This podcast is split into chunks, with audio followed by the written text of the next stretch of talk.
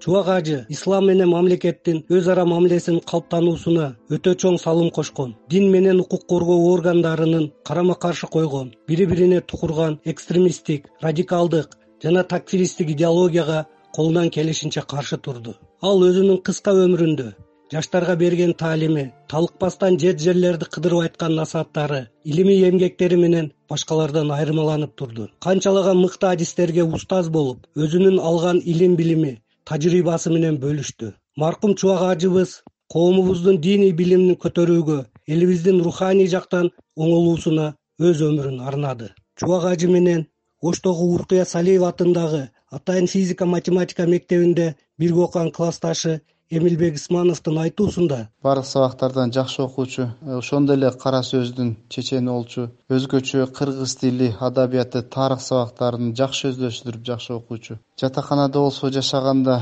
бул көбүнчө тазалыкка көп көңүл бурган. Айрыкча ошол ашканага барып тамак жегенде аны ысырап кыйырчылыктан алыс болгон. Ушундай жакшы чыйраак жигит болчу. Мына ушундай күндөр элес болуп кала берди чубак ажынын биринчи шакирттеринен болгон. Мекке шаарындагы умул кура университетинин докторанты абдубали акматов маркумду мындайча эскерди. Мени кыргызстанда азыркы ислам университети ал кезде ислам институту болчу.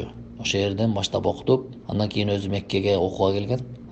Меккеде умул кура университетине келип окуп жүргөндө ар жыл сайын каникулга барган кезде менин документтеримди сурап сен бер ушул документтериңди берсең алып барып мен тапшырам анан окууга өтсөң чакырат сен барып окуйсуң ошол жактан сен окушуң керек деп. Э, менин документтеримди алып келип өзү жасап окуу жайга тапшырып анан ошол кишинин себеби менен бул жактагы кура университетине өткөнмүн мени бул жакта устаздар менен тааныштырган жана керектүү китептерди кантип тандаш керек экендигини кандай китептерди алыш керек экендигини негизи көңүл бөлүп кайсы китептерди окуш керек экендигин баарын жол көргөзгөн. Сауд аравияда же болбосо мекке шаарында элдин баары эле кыргызстанды биле бербейт. Бирок кыргызстандамын десең чубактын жериненсиңби деп калат да.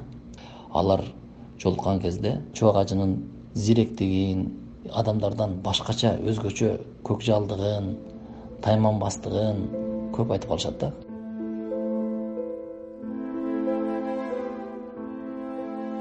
Сауд аравия мамлекетинин эрият шаарындагы имам университетинин бүтүрүүчүсү учурда бишкек шаарындагы абу бакир мечитинде имам болуп иштеп жаткан чубак ажынын дагы бир шакирти нургазы халматовдун айтуусунда илимге берилген жөнөкөй ушундай бир адам эле бир эле кыргызстан эмес бүткүл дүйнө азыр э, жүрөгү ооруп ушунчалык бир кайгы капага батып турабыз. Э, ошол жакта окуп жүргөндө э, үйүнө барсаң дайыма китептер чачылып ушунчалык окуп ушунчалык илимге терең берилген адам эле. Жөнөкөйлүгү жеген ичкени кийимиге дагы эч нерсеге сарптабай жалаң эле ошол акча тапса эле китеп алып окуп ушунчалык китепке берилип осуят алып айтып кеткен насаат медиадагы сабактарын угуп бул устаздын буюрса ошол агып туруучу бир илим таштап кетти бул дүйнөгө. Айрыкса кыргыз эли үчүн ошол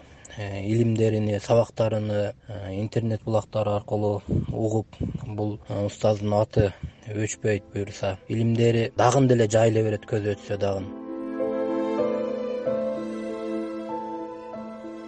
Чубак ажы тынбай окуган жогорку интеллектуалдык көрөңгөсү менен башкалардан айырмаланып турчу. Дин илимин терең билген дүйнөвүй билимден дагы артта калбаган эрудит киши болчу. Ал нукура сөзмөрдүгү ойчул даанышмандыгы элдик тарбиясы менен миңдеген адамдардын оюн өзгөртө алды. Аялдардын жашоодогу ордун диндин негиздери менен далилдүү көрсөтүп апалардын баалуулугун дайым белгилеп турчу. Мутакалим аялдардын коомдук прогрессивдүү фондунун жетекчиси чубак ажы жалилов менен бир канча жыл иштеген жамал фронтбек кызы маркумду мындайча эскерди. Албетте бул жоготуу биз үчүн бирок анын жазган иштери айткан сөздөрү видеодогулардын баарысы бизде калаат кылган иштердин баарын артында калып ойлойм биз ошол кыргызстандын жарандары мусулмандар дайыма дуа кылып турушат.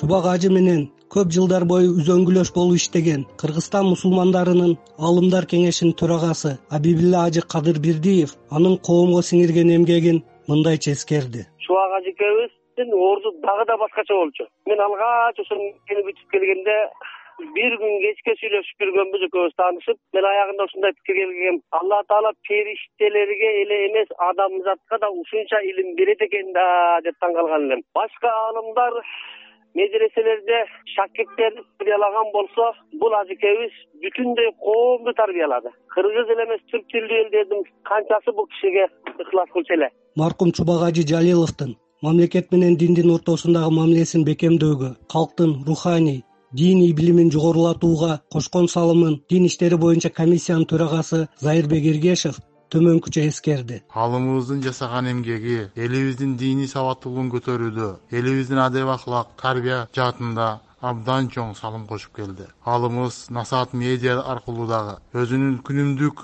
чыккан теле эфир аркылуу дагы жарандарыбыздын элибиздин диний жактан руханий азыктарын берип келди. Акыркы жылдары чубак жалилов кыргыз республикасынын дин иштери боюнча мамлекеттик комиссиясы менен биргеликте көптөгөн долбоорлорду ишке ашырып келдик. Алардын ичине айта кетсек бул эң биринчи кезекте элибиздин руханий диний билимин жогорулатууда чоң салым кошуп келди. Өзгөчө ханафий мазхабын таркатууда ханафий мазхабынын э, негиздерине негиздеп дин жаатында абдан чоң эмгек жасады. Учурдан пайдаланып биринчи кезекте чубак ажы жалиловдун үй бүлөсүнө жакындарына бир туугандарына терең кайгыруу менен кайгыларын тең бөлүшөбүз.